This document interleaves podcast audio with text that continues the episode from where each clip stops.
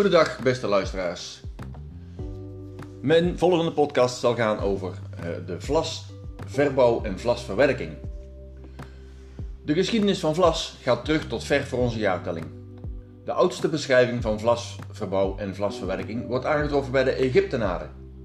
Er zijn in Egyptische graven overblijfselen gevonden van uiterst fijn vlaslinnen.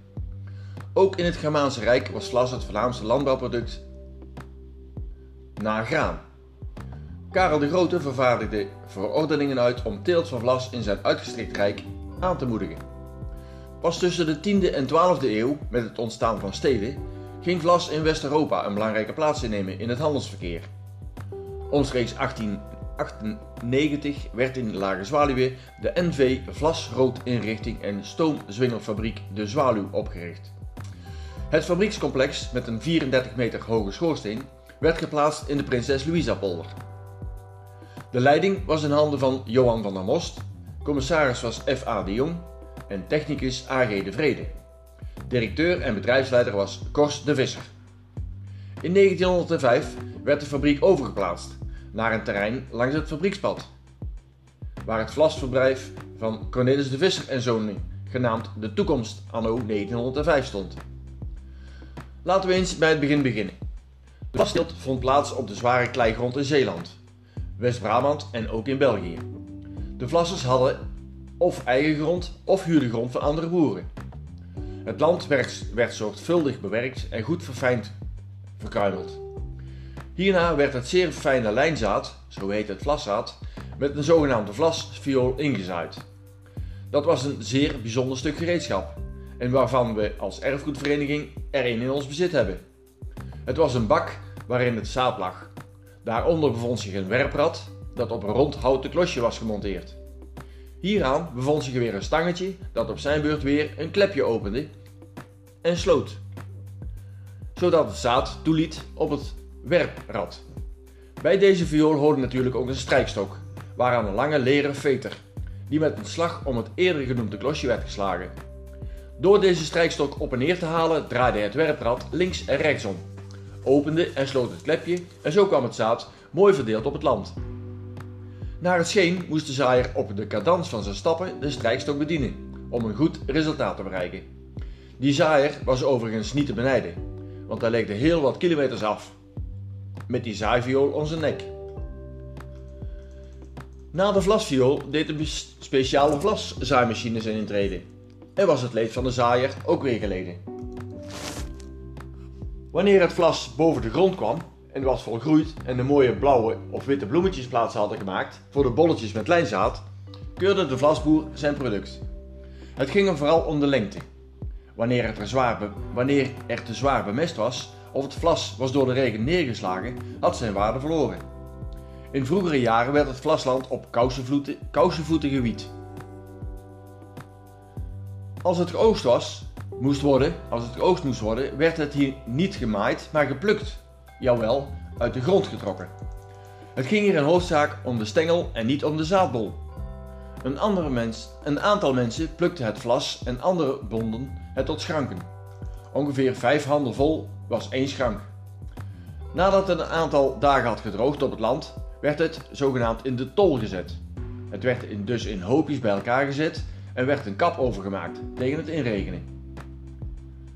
Daarna werd het in de schuur gereden. Daar begon de eerste verwerking, het zogenaamde repelen.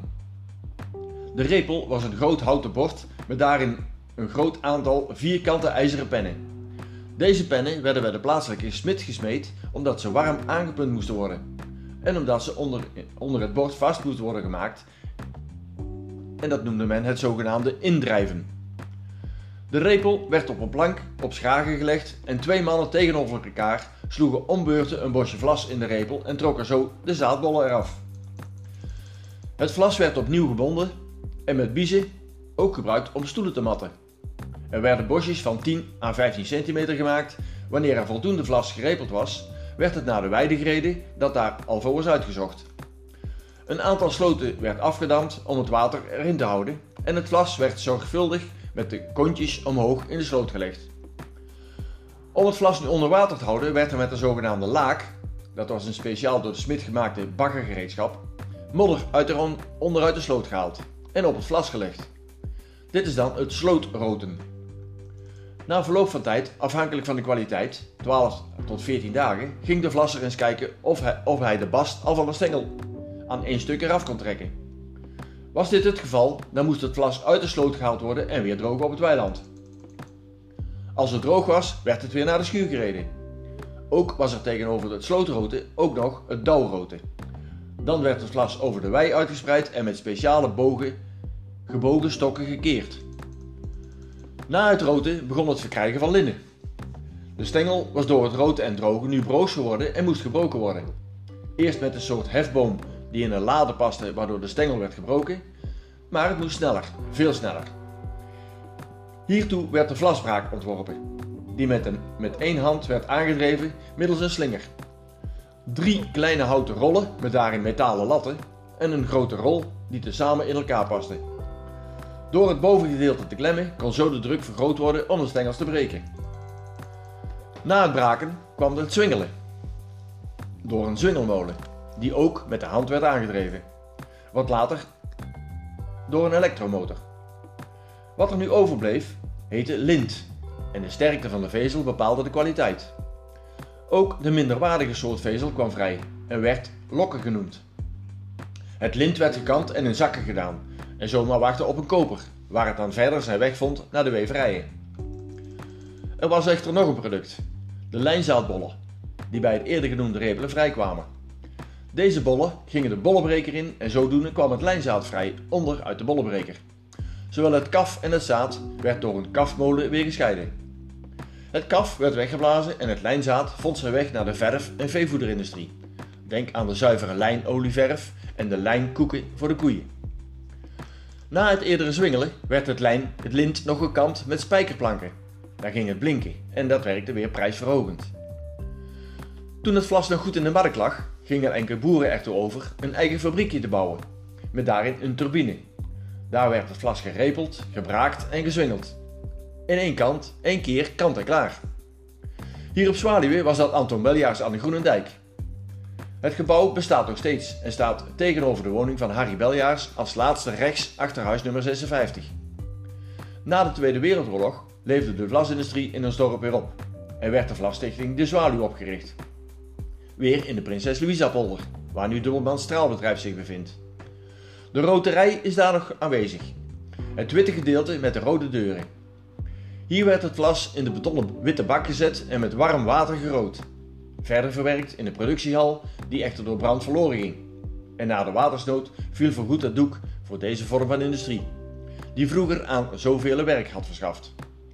Het bestuur van de Zwaluw was Kors de Visser, Cor Mol, burgemeester Godwald, Adrianus Jansen, Kors den Engelse, David Saaier, Maarten Kerzee, Janus Wijnen, Anton Beljaars en Anton Cornel. Als bedrijfsleider trok men Emiel van Akker aan. De eerste zwaluwnaar die tot machinale verwerking overging was Leendert de Visser Adriaanszoon in Hoge Zwaluwe, uit de Zwaluwseweg nummer 12. Op de woning staat nu nog steeds het bordje De Vlasserij. Na wat bezwaar uit de directe omgeving is op 18 april 1870 dan uiteindelijk toch een vergunning afgegeven en gedurende lange tijd zijn bij deze vlasfabriek ongeveer 16 volwassenen en 5 jongens tussen 12 en 16 werkzaam geweest. Het bedrijf is in 1896 buiten werking gesteld. Op diverse locaties in Lage Zwaluwe bevond zich een vlasfabriek of fabriekje, zoals onder andere in de Molendijk, achter de vroegere boerderij van Van Leest, op de Groenendijk dus, bij Beljaars. Op Blauwe Sluis stond op de Heul het bedrijf van Domini. In de Onderstraat, waar later het papierfabriek van Lignac van der Meer is gekomen, was ook een vlasfabriek.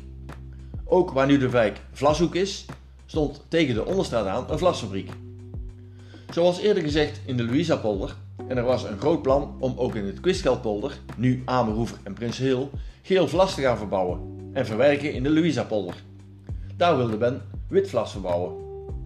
Dit plan ontstond in 1897 door de zoon van een toenmalige burgemeester P.L. de Jong, namelijk Frans A. de Jong, die in Den Haag woonde. Het was een groot opgezet plan, dat door de staat werd afgekeurd, die meende dat ook de belangen van de gemeente in het geding waren. De Zwaluwse bevolking dacht er echter heel anders over. en er werd schriftelijk bij de gemeenteraad op aangedrongen het plan van de Jong te steunen. Dit schrijven was voorzien van een paar honderd lage zwaluwse handtekeningen van geestelijke, schippers, landbouwers, grienbazen en middenstanders. De gemeente kwam na advies ingewonnen hebben aan het verzoek van de bevolking tegemoet, met enige voorwaarden. Toch is het plan nooit tot uitvoer gekomen. Ook tegenover de hervormde pastorie in de Kerkstraat, weliswaar een eindje in de polder, heeft een vlasfabriekje gestaan, waar gezwingeld werd naast de Vliet en de boomgaard. Ook Martin Hoeve, die woonde op het adres Plantsoen, heeft lang gevlast. Waar nu de ingang van de Ollemhof is, heeft de schuur gestaan. In de Prinses Louisa polder hebben daar ook nog gevlast de heren Bart en de Koning uit Schavendeel en Maasdam en Cormol uit Puttershoek. Er waren natuurlijk ook branden. Op 22 juni 1901 was er een brand in de stoomzwingerfabriek in de Louisa-polder van A. de Jong. Op 3 november 1930 brandde de fabriek van Domini op Blauwe Sluis geheel af. Op 17 februari 1933 brandde de vlasfabriek van CB de Visser af, die stond in de Onderstraat, waar later dus het papierfabriek werd gevestigd. Ook daarbij kwam de schuur van Crezé in de brand en later verschenen hier aan de Nieuwlandse dijk vijf nieuwe woningen. Op 17 nee, heb ik al gehad, november 1956 in de Louisa-polder vond een ongeval plaats, waardoor brand ontstond. De zwingerfabriek en de inventaris gingen geheel verloren. De economische problemen waren in de vlaswereld van die aard dat het niet verantwoord werd geacht om tot herbouw over te gaan. Het geheel werd daarom verkocht aan een isolatieplaatfabriek, de NV Zwaluw. En als je goed kijkt, staat er nog steeds op de loods van Doorman. Vlasstichtingen werden tenslotte voorgoed verdrongen door nylon- en rayongagers. Toen er in, 19, of in 2020 eindelijk gebouwd ging worden aan de Zwaluwe West, ten zuiden van de Kruisstraat, met een, werd een aantal straten vernoemd naar het vlas. Zoals Lint, Lokken, Repel en later ook Blauwvlas, Witvlas, Vezelvlas en de Schoof. Aldaar heb ik het volgende gedicht daar in de brievenbus gedaan. Ik wil dan ook deze podcast eindigen met het gedicht wat ik vond in het archief van onze vereniging. Het sprookje van de vlasbloem. Al ben ik maar een klein vlasbloem, ik ben wel trots op mijn familie. Mijn overgroottantes zagen piramiden uit de grond rijzen of bogen verschrikt. Het hoofd voor het strijdgewoel van de oude Germanen. Ik kwam op de hele wereld in de lente een knopje in een zacht ruisend tapijt. Van groen fluweel. De vlasgaard, door Stijn Streuvels zo heerlijk bezongen. Ik ben blauw, maar ik heb ook witte zusjes. Straks komt de zomerzon en dan gaat het zaad rijpen in mijn bol geworden gouden kopje. De mensen komen mij dan uit de bodem rukken. Erg? Nee, ik vind het eerder, eerder fijn.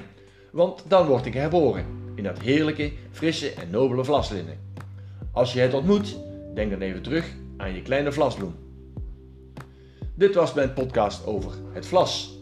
Mijn volgende podcast over een aantal weken zal gaan over stamboomonderzoek. Tot de volgende gelegenheid.